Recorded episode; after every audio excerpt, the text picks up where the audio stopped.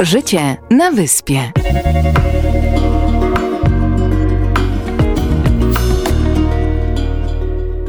Niech będzie pochwalony Jezus Chrystus. Na wieki wieków. Amen. Minęła godzina 21. Witamy jak zwykle w kleryckiej audycji Życie na Wyspie. A witają się Piotr. Krzysztof. I Mateusz. Mamy dzisiaj też specjalnego gościa, ale o gościu troszkę później. E, Bardzo się cieszymy, że jesteśmy u Państwa, że ten wieczór pewnie słoneczny, bo te dni oktawy 21. Bożego Ciała, której nie ma y, rzeczywiście liturgicznie, ale w tradycji pozostała, y, są bardzo ciepłe. Y, I bardzo nas to cieszy też, że możemy brać udział w tych procesjach eucharystycznych y, i w katedrze, i z Kościoła Świętego Małgorzaty właśnie w takiej pięknej, słonecznej pogodzie. Czasami ja, Bo do środy jest piękna. czasami ja, że za słoneczny, ale to nam w sumie nie przeszkadza. No nieraz troszkę gorąco w tym czarnym, ale to... Ale czarny wyszczupla. No to chociaż coś. Więc tutaj jakby to trzeba się, trzeba się cieszyć. Zawsze trzeba szukać pozytywu w tym wszystkim. No w sumie nawet już tak do aktualności przeszliśmy o tych procesjach, bo to tak w sumie to, co dzieje się teraz u nas. Ten, ten tydzień taki y, przy tych procesjach tak naprawdę cały Taki, codziennie. wy, taki wyjazdowy można powiedzieć, bo to mszy w seminarium nie doświadczysz w tym czasie, bo idziemy zawsze do katedry albo do świętej Małgorzaty, do kościoła też y, podkatedralnego, że tak powiem. Albo jeszcze w piątek do kościoła, teraz tak, on ma dwa wezwania. Świętego kościół, Floriana I, na i- Świętego Serca Pana Pana Jezusa. Jezusa. Może na, no, może na odwrót bardziej. Nie? Być może starszeństwem są patronowie, ale no, Najświętsze Serce Pana Jezusa wiadomo najważniejsze. Yy, No, ten tydzień tej oktawy Bożego Ciała, która liturgicznie nie istnieje, ale w tradycji pozostała, yy, jeśli chodzi o sprawowanie yy, tych procesji eucharystycznych w parafiach, pewnie yy, we wszystkich jest ta tradycja, żeby jednak te mm, procesje eucharystyczne były, to jest piękny zwyczaj. Dlatego mówiliśmy w zeszłym tygodniu o cudach eucharystycznych, o tym w Lanciano, o tym w Orvieto, o tym w Poznaniu, o tym w Krakowie e, i tych wszystkich innych. E, Ciekawe, czy Państwo je pamiętają e, swoją drogą. No ja staram się pamiętać trochę o nich Tak, i tak, o tym też, też. Mhm. papieżu, który wprowadził uroczystość Bożego Ciała.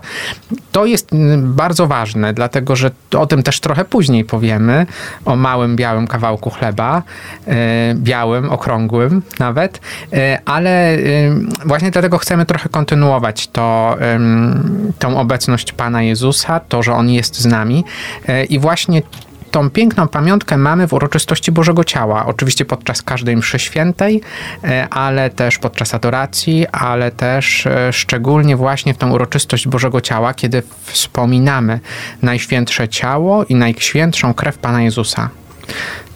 To jest ten czas taki. Ja myślę, że to jest w ogóle niesamowite, Wyjątkowe. bo tak ostatnio sobie o tych procesjach dużo myślałem, no bo skoro codziennie są, codziennie z Panem Jezusem z kościoła wychodzimy e, i można spotkać różne, e, że tak powiem, sceny, bo faktycznie nawet kiedy wychodzimy tylko na ten plac katedralny, gdzie codziennie w oktawie te procesje są, to widać często ludzi, którzy a to przyjeżdżają rowerem, a to siedzą i z ciekawością się przyglądają. Albo nagrywają. Albo nagrywają, albo zatrzymują się zdziwieni, y, co tu się dzieje, y, albo z uśmiechem patrzą. Nie oceniać, czy z takim pozytywnym, czy w takim, no nie do końca, y, ale to jest właśnie takie niesamowite, że, że Pan Jezus y, wychodzi z kościoła, y, kapłan niesie monstrancję z najświętszym ciałem Pana Jezusa i tak naprawdę wchodzi w te takie prozaiczne rzeczy. No ktoś może z pracy wraca akurat rowerem, jedzie, a tutaj akurat procesja. I tak sobie myślę, że no z takiej perspektywy y, braku wiary, to, to tak w sumie można na nas popatrzeć faktycznie z uśmiechem, nie? No banda No, ludzi idzie... I też idzie- w kółko. No pewnie z wielkim uśmiechem. No zobaczcie, no z którego kościoła w ciągu roku wynosi się tyle różnych rzeczy. Obrazy, chorągwie, jakieś dziwne stroje, jakieś nie wiadomo co. Na początku idą jakieś świeczki, które nieśliśmy Piotr i były ciężkie. Nie I wiem, czy jeszcze nie pamiętasz. Nie paliły się, bo gasły po drodze. Więc no to rzeczywiście może y, dla niektórych wyglądać dość dziwnie. Dla nas to jest wielkie wyznanie wiary. Y, Dla mnie idąc podczas tej procesji y, i rzeczywiście no już kolejny raz, teraz jeszcze mm, mając funkcję akolity, y, którą y, mamy wszyscy tutaj, bo jesteśmy na czwartym roku, to no to jest takie wyjątkowe doświadczenie tego, że rzeczywiście idziemy, przynajmniej ja tak miałem, idąc w, w trakcie tej procesji, gdzie szedłem dużo, daleko przed Panem Jezusem, y, no bo na początku procesji za nami szły chorągwie, obrazy, szły bamberki, szły siostry zakonne, szli księża kapituła katedralna. Y, i dopiero szli księża biskupi i szedł e, baldachim e, z monstrancją, którą zawsze niósł biskup z Najświętszym Sakramentem, czyli najważniejsza rzecz tej procesji. To miałem bardzo daleko do tego, a rzeczywiście czułem taką obecność Pana Jezusa i to, że rzeczywiście mogę iść i wyznawać e, wiarę w to, że rzeczywiście wierzę, że jest tam żywy i prawdziwy Bóg z nami. A będąc naprawdę bardzo daleko i to niezmiernie wzruszający mnie moment bardzo, kiedy przechodzimy obok szpitala przemienienia pańskiego i kiedy ksiądz arcybiskup zatrzymuje się tam i błogosławi e, będących w oknach i cały szpital. E, I to jest dla mnie takie też wielkie em, no wielki moment, taki bardzo wzruszający. Pierwszy raz go widziałem na pierwszym roku, drugi raz na trzecim roku, kiedy szedłem obok e, baldachimu i widziałem ten moment, a teraz mogę tylko wspominać i, i widzieć go, bo wiemy, że tam się zatrzymuje, więc no to jest takie też wielka wiara tych ludzi, którzy są w oknie tego szpitala i czekają na to błogosławieństwo, a zresztą jak szliśmy, to już było widać, że tam się przygotowują i, e, i są w tych oknach. E, no to jest takie piękne. No właśnie, najbardziej żałowałem właśnie tego, że my idąc właśnie z przodu e, tej procesji z tymi fackami, e, że tego momentu no właśnie nie zobaczymy. Mnie też zawsze bardzo mocno ściskał za e, serce ten moment, bo był taki naprawdę peł, pełny wzruszenia i przejęcia i też widok tych ludzi w oknach, którzy faktycznie z taką wielką nadzieją i zaufaniem patrzą i czekają za tym Panem Jezusem, który właśnie przyjdzie i podejdzie, że chociaż przez chwilę mogą go zobaczyć i przyjąć Jego błogosławieństwo. Też y, podczas tej procesji eucharystycznej mm, swoją refleksją, y, kazaniami przy poszczególnych ołtarzach dzielił się ksiądz profesor Jacek Hadryś. Y, To nasz y, profesor od duchowości, od spowiednictwa, więc te refleksje były rzeczywiście głębokie, nawiązywały też do kardynała Stefana Wyszyńskiego i tego, jak on patrzył na Eucharystię. Nie wiem, czy są dostępne gdzieś, ale myślę, że warto. Właśnie zapomniałem się za profesora spytać, bo z nim ostatnio rozmawiałem i no zapomniałem, ale jeszcze napiszę do niego, bo, no bo to jest taka kwestia, że byliśmy z przodu wszyscy w trójkę i nikt nas nie słyszał tych kazań, ale wszyscy mówili, że były piękne, więc Tak, bo z przodu rzeczywiście było trochę gorzej słychać. Wiemy na pewno, że było o kardynale Stefanu Wyszyńskim. Tak, ale rzeczywiście też e, piękna homilia księdza arcybiskupa e, na koniec e, tej procesji eucharystycznej. No i oczywiście na końcu przedstawienie miastu Poznaniowi, miastu Poznań, nie wiem. W sumie całej naszej diecezji, nie? Tak, y, księży neopresbiterów y, tegorocznych, więc to też taki stały element tej procesji. No i kazanie księdza arcybiskupa na koniec właśnie o samotności, o samotności Jezusa oraz o samotności każdego z nas w dzisiejszym świecie. Chyba każdy z nas tej samotności doświadcza. I ważne, żeby też w tej wspólnocie Kościoła właśnie, e, żeby samotność, a osamotnienie to było też takie rozróżnienie, że można być samotnym, ale nie osamotnionym w Kościele. Że samotność w sumie nie jest niczym złym, byle tylko ją dobrze przeżywać e, w relacji z Panem Bogiem.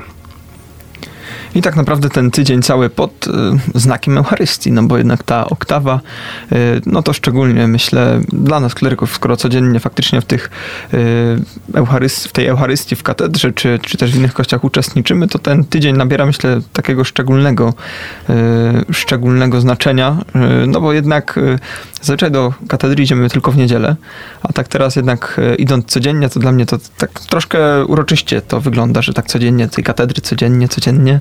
Y, Biała więc koszula. no tak. To. Buty świecą się, I mam nadzieję. I rzeczy powinny.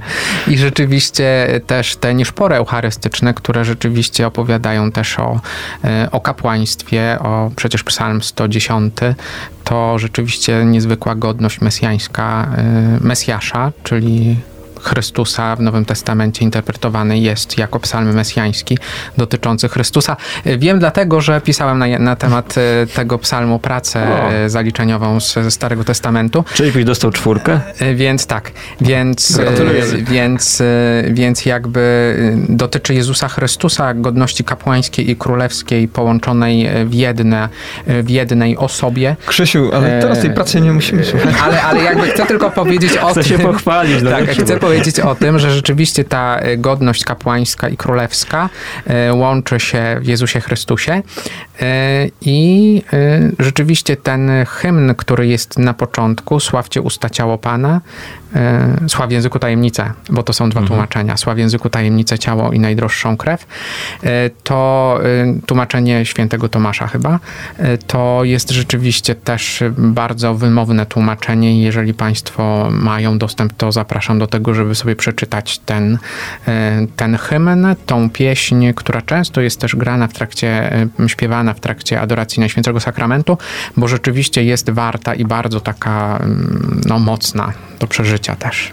To skoro już mowa o psalmach i pieśniach, tak muzycznie się zrobiło, to też zaprosimy na chwilę wytchnienia muzycznego i po chwi- za, za chwilę już wracamy e, z naszym gościem.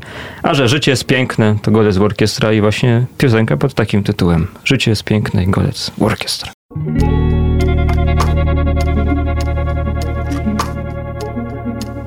Życie na wyspie.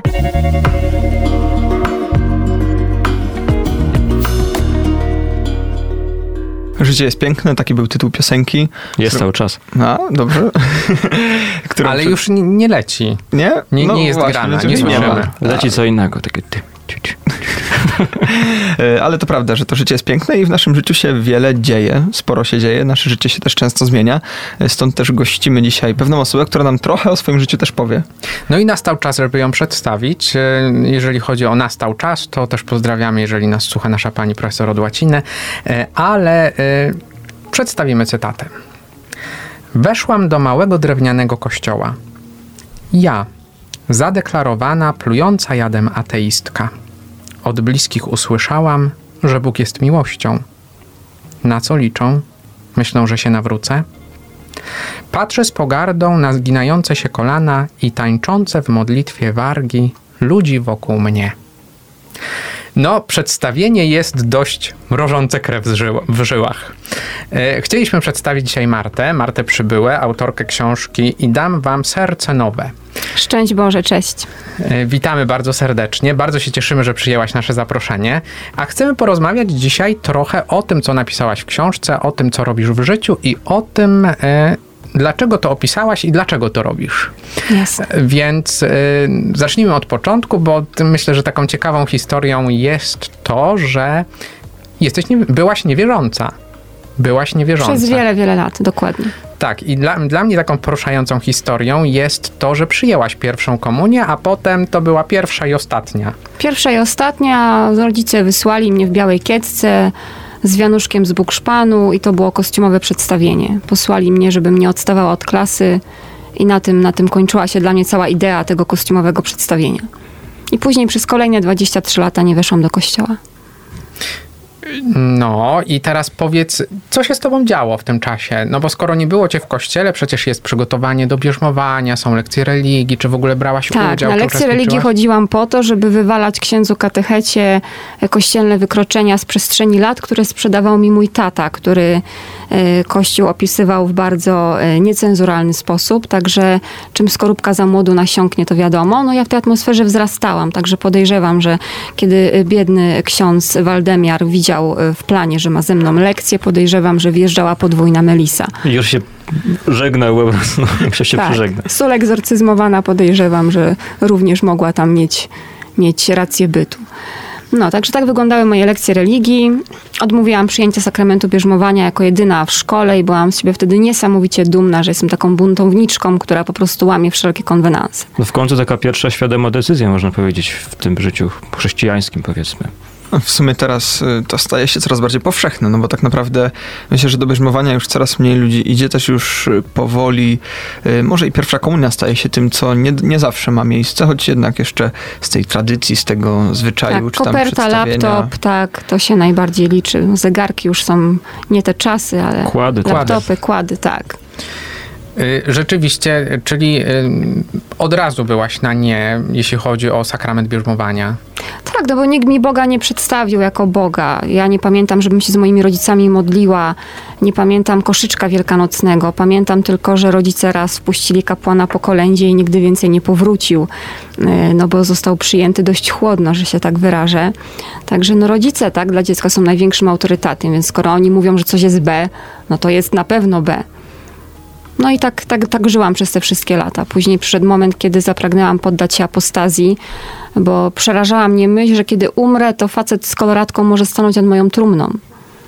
A to znów tak, w sumie wybiegając, no tak sumie dziś się to coraz bardziej dzieje, nie? Tak samo jak z tą komunią, bierzmowaniem, coraz mniej ludzi, tak samo i z apostazją. No, można powiedzieć, że chciałaś to zrobić zanim to było modne, bo tak naprawdę żyjemy w czasach, gdzie no niestety, ale jest to coraz bardziej powszechne zjawisko, no i ciebie ta myśl przerażała. No, ciekawie, ale jednak tego nie zrobiłaś. No nie zrobiłam, bo właśnie Pan Bóg jest tak niesamowity, że tydzień później usłyszałam o tej pamiętnej mszy świętej, kiedy postanowiłam po 23 latach przekroczyć próg małego drewnianego kościoła i tak naprawdę, który był momentem totalnie zwrotnym w moim życiu. No ale właśnie, co cię skłoniło do tego, żeby pójść do tego małego drewnianego kościoła, bo to już o nim mówiliśmy, o nim Tak. wspomniałaś, więc jeszcze raz do niego wróćmy. Co cię skłoniło, żeby pójść do tego małego drewnianego kościoła? E, Rodzina mojego ówczesnego partnera była bardzo wierząca. Oni zaczęli uczęszczać nam przez modlitwą o uzdrowienie i zaczęli opowiadać, czego doświadczają. Jakby to, co mówili, to było jedno, ale ja widziałam po ich reakcjach, ja widziałam, że to są ludzie, z których wylewa się światło, miłość, wewnętrzny pokój, coś, czego ja nigdy nie miałam. Ja im zaczęłam tego zazdrościć. Z jednej strony reagowałam ironią i twierdziłam, że to jest jakaś jedna wielka ściema, jakiś katolicki fotomontaż. Ale z drugiej strony ja zapragnęłam doświadczyć tego, czego oni doświadczyli. I po kilku namowach uległam i pojechałam razem z nimi. No tutaj jest dalej taki cytat, to jest fragment książki, który jest z tyłu. E, Ksiądz wyciąga coś z małej, złotej szafy. Nie wstaję, a przede wszystkim nie klękam, bo niby przed kim mam klękać. Białe, okrągłe coś. Nie wiem po co, ale się gapię. I właśnie wtedy, właśnie wtedy co? I właśnie wtedy zalała mnie fala gorąca. Ja po prostu czułam, że ogień się przelewa przez całe moje ciało. Cała się trzęsłam, jak gdyby mnie ktoś podłączył pod prąd. Potoki łez, ja po prostu wyłam w tym kościele. Ja taka twardzielka, cała zasmarkana i to jeszcze w takim miejscu. I przez pierwsze momenty było mi wstyd, ale później ja już w ogóle nie zwracałam uwagi na ludzi, bo miałam doświadczenie, że cała rzeczywistość wokół mnie zgasła, że jestem tylko ja i to białe kółko, które w jednym momencie się stało Bogiem żywym i prawdziwym, bo czułam taką miłość w tym momencie. Jakbym miała skumulować miłość, której doświadczyłam przez całe życie, to ona jest po prostu jednym procentem tego, czego doświadczyłam w tym momencie w tym kościele, patrząc na to białe kółko. Miłość, poczucie bycia niesamowicie przyjętą, chcianą, akceptowaną, kochaną. I tego się nie da po ludzku powiedzieć słowami, bo jeżeli ktoś tego słucha i, i jakby nie doświadczył takiej miłości, no to podejrzewam, że kwalifikuje się na oddział zamknięty, jeżeli ktoś tego słucha. Ale ja, ja po prostu nigdy, ani wcześniej, ani później nie doświadczyłam już takiego poczucia, że ktoś mnie chce. Że ktoś mnie pragnie, że ktoś mnie akceptuje. A co jest ważne jeszcze, myślę, i warto o tym wspomnieć, yy, no poszłaś do tego kościółka, ale chciałaś z niego wyjść. Chciałam wyjść, tak. Y, Ludzie zaczęli się wlewać do kościoła. Y, My zajęliśmy jedne z pierwszej ławki, y, także kiedy tłum zaczął napierać, ja się odwróciłam i zobaczyłam to bezkresne morze moherowych beretów, to po prostu stwierdziłam, że chcę stąd wyjść. Czułam złość, czułam agresję, czułam nudności, mdłości, ból głowy ale uświadomiłam sobie, że jest środek zimy, to jest dziura zabita dechami, a po drodze nie było żadnego przystanku autobusowego, więc stwierdziłam, że chyba jestem skazana na tych, z którymi przyjechałam. Ale gdyby mój wzrok wtedy mógł zabijać, no to ksiądz nie zdążyłby się zbliżyć do ołtarza. Miałam w sobie tyle złości. Ja nienawidziłam ludzi, nienawidziłam, kiedy ktoś mnie dotyka. A tam po prostu ludzie napierali na siebie zewsząd. Także no, mój poziom złości no, osiągnął apogeum. Czy ci... Można w sumie zadać takie pytanie, skąd się to wzięło? Bo też jak gdzieś tam słuchałem troszkę historii, no w sumie twojego życia, którą opowiadałaś, y, ale może warto przybliżyć naszym słuchaczom, skąd się wzięło, że, że też tyle złości, tyle y, no, tych negatywnych emocji w tobie było, no bo tak naprawdę można się zapytać skąd? Mhm. Czy to z samego braku wiary, czy... E, no na pewno początek był w moim domu rodzinnym. E, później jakby no media uwielbiają rozgłaszać to, e, co niekoniecznie jest dobre, jeśli chodzi o Kościół. Nikt nie powie o jakimś mega misjonarzu, który działa na drugim końcu świata, tylko przybliżą postać kapłana, który pobłądził. No i jakby te informacje do mnie docierały. To jeszcze bardziej mnie utwierdzało w tym, co, co w domu słyszałam. Ja przez całe życie żyłam taką wystar- samowystarczalnością, że ja Boga nie potrzebuję, że ja się muszę sama rozpychać łokciami, żeby w ogóle cokolwiek osiągnąć, do czegokolwiek dojść. Także wiadomo, konsumpcjonizm, hedonizm, tak, żeby było miło, łatwo yy, i przyjemnie. Także później moje ówczesne środowisko, kiedy ja zapragnęłam sobie stworzyć taką własną watachę takich odmieńców, buntowników, yy, no podzielało moje zdanie, także tak naprawdę no, siedzieliśmy w tym swoim sosie totalnego antyklerykalizmu i, i myślałam, że jest okej, okay, tak, że to jest po prostu objaw yy, mojej waleczności, mojego nie, na to, z czym się nie zgadzałam, jeśli chodzi o Kościół katolicki, o ludzi wierzących. Dla mnie katolicy to był ciemnogród. To byli ludzie, którzy nie potrafią się troszczyć o swoje sprawy, tylko padają na kolanka i proszą jakiegoś niewidzialnego Boga między chmurami, żeby wszystko załatwił za nich. Ja mówię, no kurczę, ludzie, ogarnijcie się. Weźcie się do roboty. Bierzcie się do roboty, a nie po prostu jakieś Jezu, ufam Tobie. W ogóle o czym wy do mnie mówicie.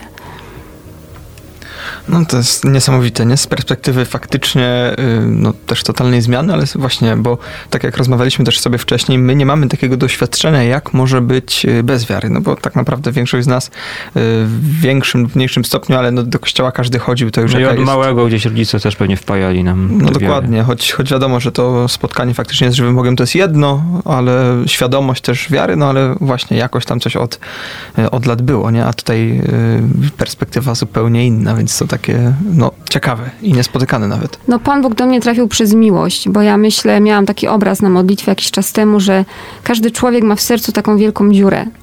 I ta dziura ma kształt krzyża. I tam nic innego nie pasuje, a Pan Bóg jest jak taki wielki puzzle. I tylko On w to miejsce pasuje, a ludzie nieznający Boga próbują tą przestrzeń zapchać jakimiś substytutami, tak? Miłość, seks, pornografia, kasa, kariera, znajomości, popularność samochody, tak, y, to próbują po prostu umieścić w tym miejscu i tam nic nie pasuje. To jest może dobre, ale na chwilę. Tak. Myślę, że to jest bardzo modne w dzisiejszym, w dzisiejszym, czasie taka chwilowość, że mieć coś na chwilę i też mieć Boga na chwilę, wtedy, kiedy jest potrzebny, a, w, a nie, żeby cały czas po prostu przy nim być. Taka chwilowość. No i właśnie Bóg do mnie trafił przez miłość. Ja przez wiele lat byłam uzależniona od relacji, gdzie to facet to Bóg nie był wyznacznikiem mojej wartości jako kobiety. Ja nie potrafiłam być sama przez miesiąc. Ja tak długo tkwiłam w jednej chorej, toksycznej relacji, dopóki nie znalazłam nowej ofiary. Wiadomo, wszystko oparte na nieczystości, Boga tam nie było, także no wiadomo, że Pan Bóg temu nie błogosławił. Także ja byłam tak spragniona miłością, miałam poczucie, że moje ręce po prostu wyciąga ręce, kochaj, przytul, bądź, a żaden facet nie mógł na to odpowiedzieć, bo to było miejsce tylko dla Boga tak naprawdę. I w tej chwili ja rozeznaję od czterech lat swoją drogę jako bezżeństwo, czyli Pan Bóg totalnie przewrócił moje życie, moje priorytety, moje marzenia, plany do góry nogami. I ja czuję taką miłość oblubieńczą Pana Jezusa, że no absolutnie mogę powiedzieć, że jestem w relacji, tak? I uwielbiam widzieć, jak on mnie kocha przez zupę ogórkową, przez bukiet kwiatów, który dostanę z nienacka. Także powiem szczerze, czasami narzekam, że mi nie pomaga z siatkami z Biedronki, ale ostatnio też się zdarzyło, że podjeżdżał akurat kolega i się zapytał, czy mnie podwieźć. Także Pan Jezus bierze sobie do serca również takie te moje babskie potrzeby. A powiedz, jak twoi znajomi zareagowali, ci, którzy tkwili w tym, w tym twoim, jak to mówiłaś, sosie, tak. gdzie razem byliście, jak oni zareagowali na twoje nawrócenie takie? Dowiedzieli się o tym przez Facebooka, kiedy po kilku razach, kiedy uczestniczyłam właśnie w mszy świętej z modlitwą o uzdrowienie, która była początkiem, kiedy ja potrzebowałam na początku jeszcze tych efektów wow, takiej tej miłości niesamowitej Pana Boga, zamieściłam post na Facebooku, który brzmiał mniej więcej tak, że proszę nie przecierać monitorów, ani nie konsultować mnie z psychiatrą, ani farmaceutą. Spotkałam Boga i zmieniam swoje życie. Także część się wykruszyła samoistnie, e, część jakby zablokowałam, bo nie życzyłam sobie jakby tam jakiś jakichś bluzgów pod adresem moim, ani, ani Boga. E, część gdzieś tam jest, obserwuje mnie, część szanuje, ale Pan Bóg w to miejsce dał mi tak niesamowitych ludzi, których dopiero teraz mogę nazwać przyjaciółmi, że ja wiem, że środek nocy coś się dzieje, ja mogę zadzwonić. A tamte znajomości były płytkie, tak? Były fajne, jeśli chodziło o imprezę, chodziło o wspólne, nie wiem, napicie się wina, to było wszystko ok, ale zaczynacie się walić, zaczynacie się usuwać grunt spod nóg i wtedy tych ludzi nie ma. A teraz mam takie osoby wokół siebie, że dopiero teraz wiem, co to w ogóle jest przyjaźń. No i niech to wystarczy na ten moment. Niech to wystarczy i niech takim uwieńczeniem może też będzie piosenka zespołu Tilow, Bóg, e, też piosenka, którą Muniek Staszyk e, nagrał i śpiewał po swoim głębokim nawróceniu, a więc też w takim klimacie. A my wracamy już za chwilę. Ciąg dalszy nastąpi.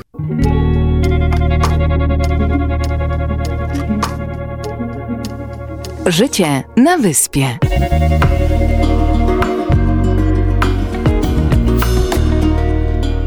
Daleko, tak daleko, daleko, tak. I potem słyszeliśmy, tak bardzo chciałbym zostać kumplem twym. A to wszystko o Bogu, który jest naszym najlepszym przyjacielem. I o tym przyjacielu też teraz powiemy. O tym, jak odkrywamy jego przyjaźń i miłość. Miłość. Czy to jest miłość? Jeszcze. Proszę jeszcze. Wiem, że coś się zmieni, ale jeszcze nie wiem, że zmieni się wszystko. To jest kolejny y, cytat z książki, y, z okładki, dalej z okładki. Ta okładka jest dość, y, dość, no tutaj w tym fragmencie jest rzeczywiście zawarta wielka głębia. Zmieniło się wszystko. No bo przecież oprócz tego, że mały drewniany kościół zmienił relacje, no pewnie nienawiści w miłość, to zmieniła się też otoczenie, zmieniło się. Zmieniło się wszystko, co było dotychczas. Yy, piszesz też w którymś momencie 20 zł, garstka drobniaków i obrazek niepokalanej. Tak, to jest fragment z mojej książki, kiedy opisuję e, jeden z trzech kroków, kiedy Pan Bóg mi pokazał, e, czy moje rozeznanie dotyczące posługi w hospicjum faktycznie jest Jego wolą. E, tak całe moje nawrócenie, e, moment też przyjęcia sakramentu bierzmowania, takie świadome, wiecie, stoję po prostu w tym kościele, obserwuję ludzi naokoło, e, mężczyźni w jakichś shortach, dziewczyny z dekoltami do pępka, nie oceniając nikogo, ale jakby widziałam, kto stoi poświstek potrzebny do ślubu kościelnego, żeby mieć ładną oprawę, ładną foto, fotorelację. A ja tam taka podjarana, kurczę, Duch Święty za chwilę ze mnie stąpi. Wiecie, mam wieczernik w głowie po prostu, języki ognia. I tak naprawdę tydzień od tego wydarzenia dzielił też moment, kiedy oddałam swoje życie Maryi. I ona ma ogromną też rolę w moim nawróceniu, bo y, oddanie jej swojego życia zaowocowało tym, że ja zapragnęłam na maksa wypełniać wolę Pana Boga w moim życiu. Panie, jeżeli Twoja wola będzie moim pragnieniem, ja będę na maksa szczęśliwa. I przyszła taka wolność niesamowita. Ja wtedy pracowałam w kolejnym ekskluzywnym butiku, tak. E, no właśnie, bo to jest tak, istotna informacja. To jest istotna informacja. E, tutaj mamy z sobą dzisiaj przedstawicielkę tego, powiedzmy, trendu dzisiejszego. Ludzi pięknych, młodych, bogatych i pracujących w ekskluzywnych butikach. Tak, ja po prostu ludziom wciskałam ekskluzywny kicz, y, mówiąc, że tego potrzebują, że to zapełni ich pustkę. I patrzyłam, że to może zastąpić tak, substytutem. Tak, tak. I dopiero po doświadczeniu Pana Boga ja zaczęłam zauważać, że oni przychodzą, im większe logo, im większa marka, ten układ liter jest wyznacznikiem ich wartości, że oni muszą pokazać, że mnie stać. Ja mam wartość. Ja zaczęłam patrzeć w ogóle, że ja jestem jak na zasadzie, wiecie, wytnij w klej w ogóle z innej bajki.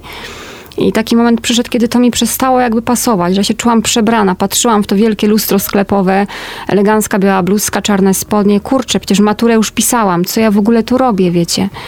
E, drugi owoc był trudny, jeśli chodzi o też o oddanie Maryi swojego życia i się śmieję, że to był taki miłosny spisek Ducha Świętego i Maryi, kiedy oni tak wspólnie razem zadziałali. Kiedy doświadczyłam swojej hipokryzji, E, teraz jest taki modny ruch charyzmatyczny. To wszystko jest piękne, ważne i potrzebne, ale przyszedł moment, kiedy ja zauważyłam, że ja gonię za cukierkami od Pana Boga, za tym poczuciem bycia przytuloną. Kiedy wiecie, ludzie potrafią przemierzać całą Polskę, żeby dostać się na rekolekcje prowadzone przez znanych charyzmatyków, a msza święta w tygodniu nie ma dla nich uroku, bo Kowalska hymn kalęczy, tak, proboży zanudza na kazaniu i taka msza już nie ma nie ma jakby dla nich takiej wartości, a jednak na takich rekolekcjach to i łezka spadnie ze wzruszenia, fajne wielbienie jest. Tylko czy o to tak naprawdę chodzi? I przy taki moment, kiedy ja doświadczyłam, że się, strasznie się pogubiłam, że ja nadal miałam w sercu jeszcze jakąś taką nienawiść do ludzi, niechęć, a ja miałam czelność mówić, że kocham Boga, którego nie widzę. Jak ja nadal nie potrafię kochać ludzi na wyciągnięcie ręki. I przyszło pragnienie kochania ludzi, po prostu ludzi mijanych na ulicy, kiedy wiecie, ktoś mnie szturchnął w tramwaju, to ja dostawałam apopleksji. A ja miałam ochotę tych ludzi kochać, po prostu ich błogosławić, każdego, bez względu na to, czy on mi dobrze życzy, czy źle życzy. Taka miłość totalnie bezwarunkowa się stała moim marzeniem i zaczęłam się modlić. I stąd się wziął tytuł książki. Zaczęłam się modlić aktem strzelistym takim, który powtarzałam codziennie, kilkanaście, kilkadziesiąt razy. Boże, weź moje serce z kamienia i daj mi serce z ciała. I stąd tytuł książki. Dam wam serce nowe i ducha nowego, tchnę wiadomo, ciąg dalszy. No i ten ekskluzywny butik y, uświadomił mi, że ja tam nie będę w stanie realizować tego ekstremalnego pragnienia miłości, które w moim sercu było. E, ja zostawiłam wszystko. Najpierw się zatrudniłam w Domu Pomocy Społecznej dla dzieciaków z głęboką niepełnosprawnością. Warto wspomnieć, że przez wiele, wiele lat byłam zwolenniczką aborcji.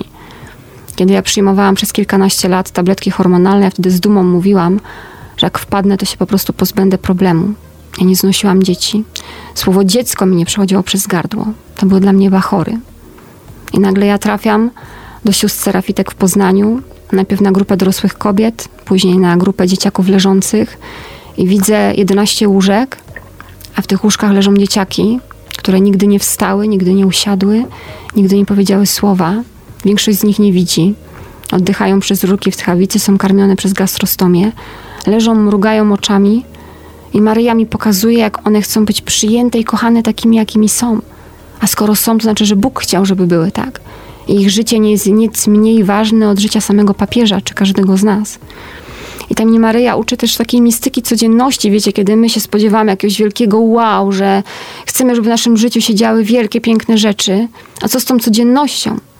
A Maryja mówi, zobacz, kiedy ty robisz to wszystko, czego byś wcześniej nie robiła za żadną kasę na świecie. Jesteś taka śmieszna w oczach tego świata, bo ta praca podejrzewam jest jedną z ostatnich prac, które ludzie chcieliby wykonywać. Za najniższą krajową dodam, bo ta praca wiadomo, jak osoby zarabiają, które wykonują takie zajęcie. Maria mówi, zobacz, ty zmieniasz pampersy, ty wycierasz tą ślinę, która kapie z ust tych dzieciaków i ty to robisz na chwałę Pana Boga. Bo przed Maryją nikt nie rozwinął czerwonego dywanu. Ona nie chodziła w kieckach od Versace, ona swoją codziennością wielbiła Boga. I ja mówię, kurczę, no super. I to się stało moją modlitwą, kiedy wiecie, ja przewijałam dzieciaki, pampersy, te klimaty, a w sercu ja odmawiam różaniec. I ja widzę, że ja taka w wersji roboczej jestem Panu Jezusowi najmilsza. I to było pierwsze doświadczenie miłości. Kolejne to, tak jak wspomniałeś, doświadczenie posługi w hospicjum wśród umierających jako wolontariuszki. Prosiłam Pana Boga o znaki, bo ja się zapierałam rękami i nogami. Mówię, ty wiesz, że jestem uparta jak osioł. Jak ty mi nie pokażesz, że to jest twoja wola, to w ogóle zapomnij. Ja się w ogóle nie ruszam, nigdzie nie idę. No i on stopniowo, dużymi literami, bardzo łopatologicznie przedstawiał mi, że tak, Marto, to jest moja wola. Także pierwszym znakiem była miłość do osób starszych. Kiedy one, jeszcze tym bardziej w dzisiejszym świecie, kiedy musisz być sprawny, młody, piękny, nie? I te babcinki, ci, ci dziadeczkowie w tramwajach, na chodnikach, oni tak bardzo zawadzają, bo oni się nie potrafią odnaleźć w tym świecie, który jest dla nich za szybki, nie wiedzą, co to internet, co to Facebook i po co oni właściwie na tym świecie, tak? Że misją osoby starszej dzisiaj to jest, wiecie, dobrze przykleić protezę zębową i uzupełnić braki yy, w splądrowanych osteoporozą kościach, tak? To jest misją seniora.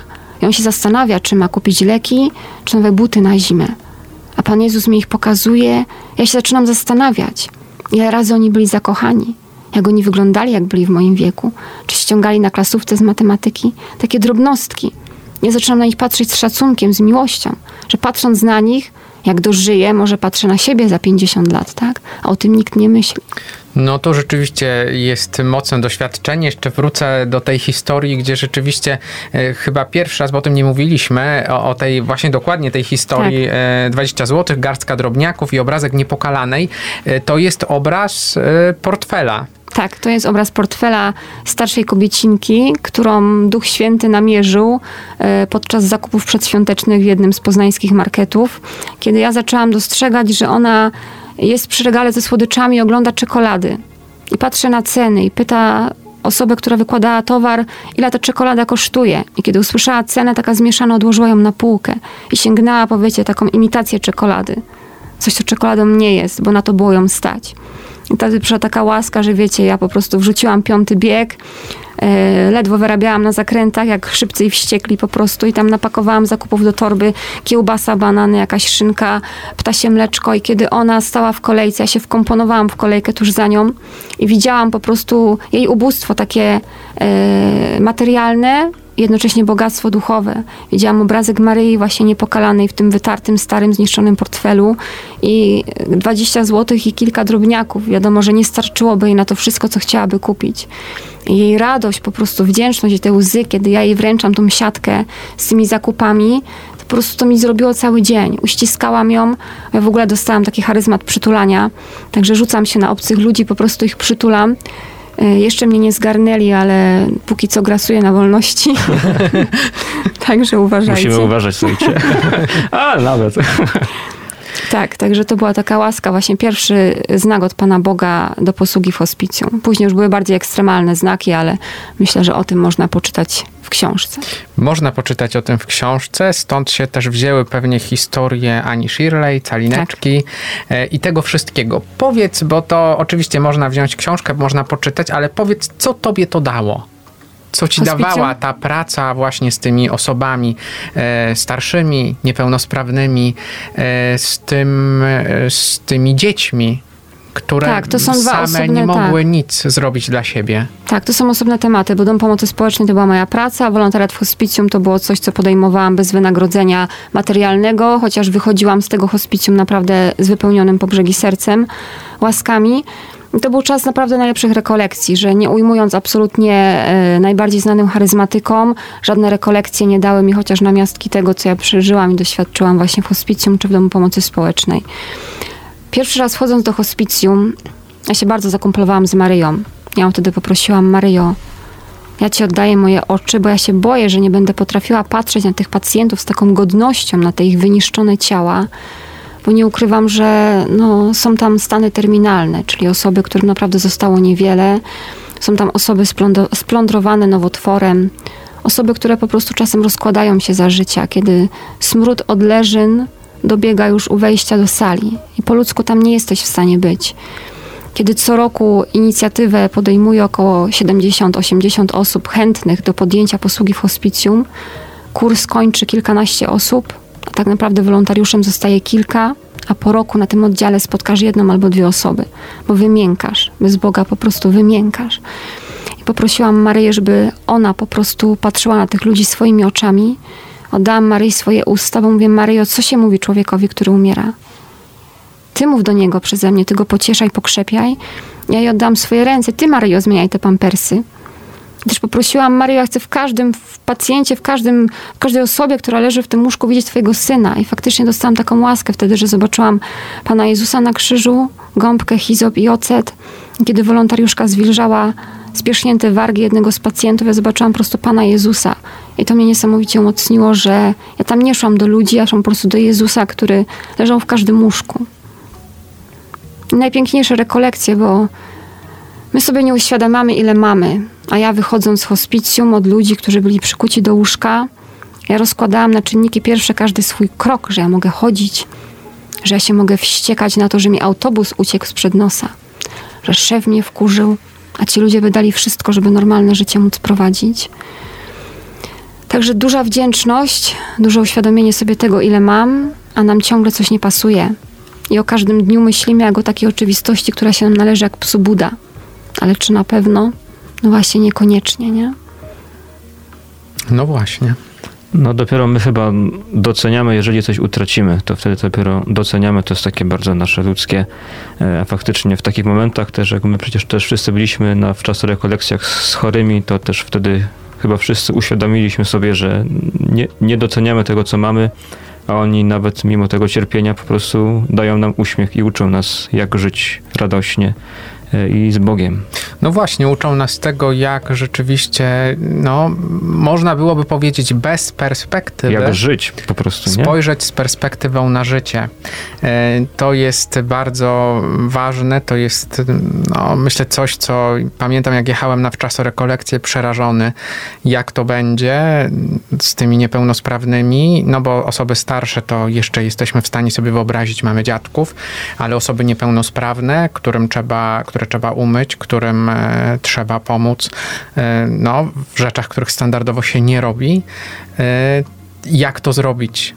Jak przełamać swój strach, swój lęk i swoją wstydliwość też.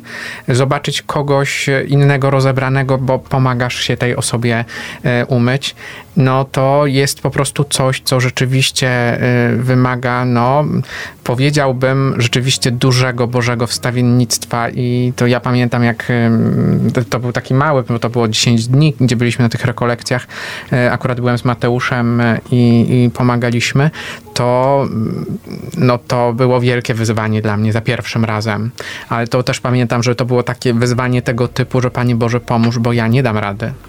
No i to jest najlepsza postawa, nie? Bo nic beze mnie nie możecie uczynić i wszystko mogę w tym, który mnie umacnia i to się ewidentnie sprawdza, bo po ludzku to, to nie da rady tam być, bo nie, ja widzę, że ja nie miałam swojej miłości. Uświadomienie sobie, że ja nie mam ani swojego dobra, ani swojej miłości, Bóg jest producentem tego. Ja jedynie jak księżyc odbija słoneczne światło, tak samo ja mogę odbijać to, tą miłość i to dobro, bo ja nie mam nic swojego.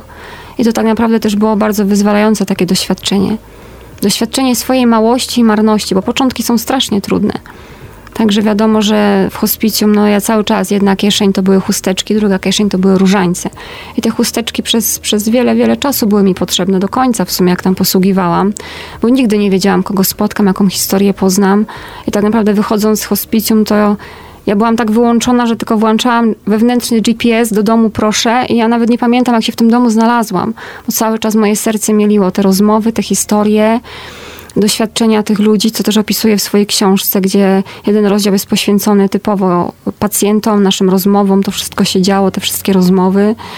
I też ja uwierzyłam w życie wieczne w ogóle w hospicjum, gdzie to przestała być dla mnie jakaś teoria wyczytana, tylko ja doświadczyłam łaski, kiedy ludzie przechodzą na drugą stronę i już nie widzą mnie, tylko widzą rzeczywistość, która jest dużo bardziej realna niż ja, która siedzę na krześle obok. Oni potrafią wyciągać ręce, bo widzą kogoś, kto te ręce do nich wyciąga. I potrafili mieć wzrok tak pełny zachwytu, po prostu ekstaza. Taka radość, taki pokój. I, I doświadczenie tych ludzi, którzy byli blisko Pana Boga, kiedy mówili otwarcie, że oni swoje cierpienie ofiarowywują za swoje wnuki, które odeszły od kościoła, i patrzysz na totalnie wycieńczone, wyniszczone chorobą ciało człowieka, a na jego twarzy widzisz taki pokój, że to w ogóle jedno z drugim nie pasuje. To jest Boży pokój. Nie, to, to cierpienie przyjęte to jest po prostu no, coś niesamowitego. To jest taki level mistyki, o którym my nie jesteśmy w stanie w ogóle sobie tego wyobrazić. Dobrze. To myślę, że czas na przerwę i potem jeszcze będziemy kontynuować trochę te nasze. Potem jeszcze będzie też modlitwa, konkurs, tak, gdzie, będzie do, gdzie będzie do wygrania książka właśnie tutaj i dam wam serce nowe. E, oraz chwilę pewnie porozmawiamy jeszcze o Fundacji Totatua. I skoro o tej fundacji też porozmawiamy, to tatua, czyli po polsku cały twój. Aha, mieliśmy odpowiedzieć. Tak, cały twój w tej piosence właśnie Jacek Stachurski.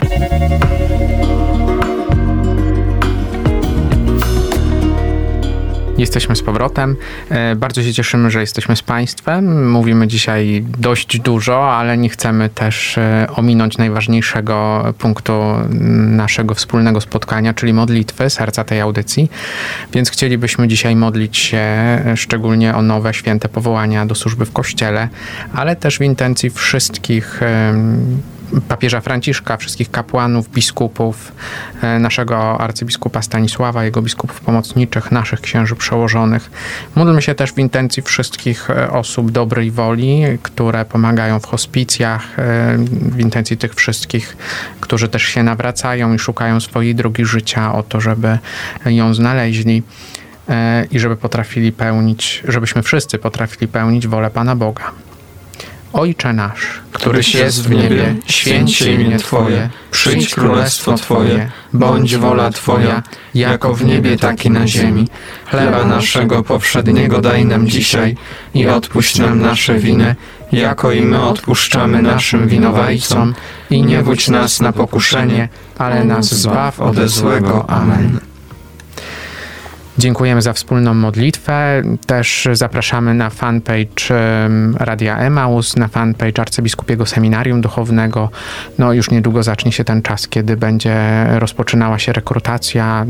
Przypominamy też, że to piękne dzieło, jakim jest modlitwa za osoby rozeznające swoje powołanie i mm, osoby, które o nowe święte powołania do służby w Kościele, żebyśmy, e, żeby nigdy nie zabrakło pracowników winnicy pańskiej, tych, którzy będą głosili słowo i sprawowali sakramenty święte. Także trwa rekrutacja, zapraszamy następne seminarium i mamy jeszcze miejsca, więc zapraszamy. A jeszcze dzisiaj konkurs miał być, tak przy okazji. Konkurs za wygranie książka i dam wam serce nowe, właśnie Marty przybyły i tak myśl, myśleliśmy o pytaniu, żeby to też nie było takie proste E, i także jak ktoś nas słucha, to na pewno na te pytania odpowie, a pytanie konkursowe brzmi Co oglądała wspomniana staruszka w markecie, kiedy odkładała na półkę to, co było dla niej za drogie? Co zwróciło moją uwagę wtedy? No i pytania konkursowe prosimy przesyłać e, na fanpage'u Radia Emaus. pod zdjęciem Pod naszym. zdjęciem naszym będzie którym nasze zdjęcie z. Martą. A teraz chcemy jeszcze poruszyć jeden wątek, bo y, była mowa o tym, że byłaś w hospicjum i, i u sióstr y, posługiwałaś, y, pracowałaś z dziećmi niepełnosprawnymi, a teraz też zajmujesz się rzeczą wielką, ale co to jest? Może nam jeszcze... Rzecz wielka, co to jest, można byłoby powiedzieć, że znamy to hasło totus tuus papieża Jana Pawła II, a tutaj mamy to tatua. O co tu chodzi? Chodzi o to, że przyszedł moment, kiedy doświadczając miłości Pana Boga, ja poczułam, że ja tego nie chcę zostawiać dłużej dla siebie. Zaczęło się najpierw od bloga na Facebooku, blog pod tytułem Tu się żyje aż do śmierci, na bazie którego powstała tak naprawdę książka i dam wam serce nowe. I to pragnienie, żeby mówić o Panu Bogu, o tym, że On jest, że On jest miłością, że to nie jest żadne science fiction, tylko to się realnie dzieje. I to mogę realizować poprzez pracę Fundacji Totatua. Yy, Zajmuję się przygotowywaniem yy, parafii do podjęcia rekolekcji Oddanie 33, o których mm, z pewnością wiele osób słyszało. W zeszłym roku te rekolekcje podjęło ponad 500 tysięcy osób w Polsce, także naprawdę idzie na szeroką skalę. Także jest to póki co takie główne jakby dzieło, które Fundacja realizuje. Również modlitwa za kapłanów, realna obecność Pana Jezusa w Najświętszym Sakramencie, także też bierzemy udział y, w pomocy, przygotowaniu parafii do całodziennej, a nawet wieczystej adoracji. I zajmuję się też pisaniem tekstów. Powstał też miesięcznik to Tatua, magazyn Matki Słowa, takie pismo formacyjne dla osób, które się zawierzyły i chcą coś więcej, żeby nie poprzestać tylko na tym oddaniu, tylko żeby żyć nim na co dzień. Też mam wielką łaskę, jakby pisać artykuły do tego miesięcznika. Także działamy na chwałę, na chwałę e, Pana Jezusa, na chwałę niepokalanej. I chłopaki mnie już tutaj pokazują, że już mam kończyć, bo niestety nam się czas skończył, a tak się fajnie gadało. A jeszcze chciałem powiedzieć, że miesięcznik bardzo polecam naszym słuchaczom, bo sam czytałem i faktycznie Super. jest to dobre I dzieło. też można w niektórych parafiach natrafić jeszcze, też widziałem. Ostatnio byłem na powołaniówce i właśnie te miesięczniki też tam były. Tak, zapraszamy. Można też wejść na stronę fundacji i tam można też zamówić prenumeratę. Jak najbardziej, także też polecam, nie ma katolipy, jest pełna profeska. Tak, to prawda. Zapraszamy. Bardzo cieszymy się, że przyjęłaś nasze zaproszenie. Że przybyłaś. Przybyłam, tak, to jest moje nazwisko, po prostu Pan Bóg ma takie poczucie humoru, że naprawdę. Więc bardzo dziękujemy. No i co? No nam pozostało już dzisiaj e, powiedzieć, że bardzo się cieszymy z tego świadectwa nawrócenia, z tego nawrócenia e, i że mogliśmy posłuchać tej historii na żywo, nie tylko w książce, e, czy też na, e, przez YouTube'a, e, a właśnie na żywo. Bardzo I ja dziękujemy. życzę wszystkim słuchaczom, żeby codziennie modlili się o to serce nowe, bo to nie jest tak, że serce nowe i teraz już plaża, oranżada i urlop, Aj. tylko codziennie trwa ta walka, nowe stworzenie kontra stary bydlak i tak już będzie do końca życia. Także ta modlitwa codziennie od nowa. Niech te przesłanie zostanie w naszych sercach, a my się z Państwem już żegnamy tradycyjnie, tak jak zawsze, po staropolsku, czyli Szczęść Szczęść Boże. Boże. dobrej nocy.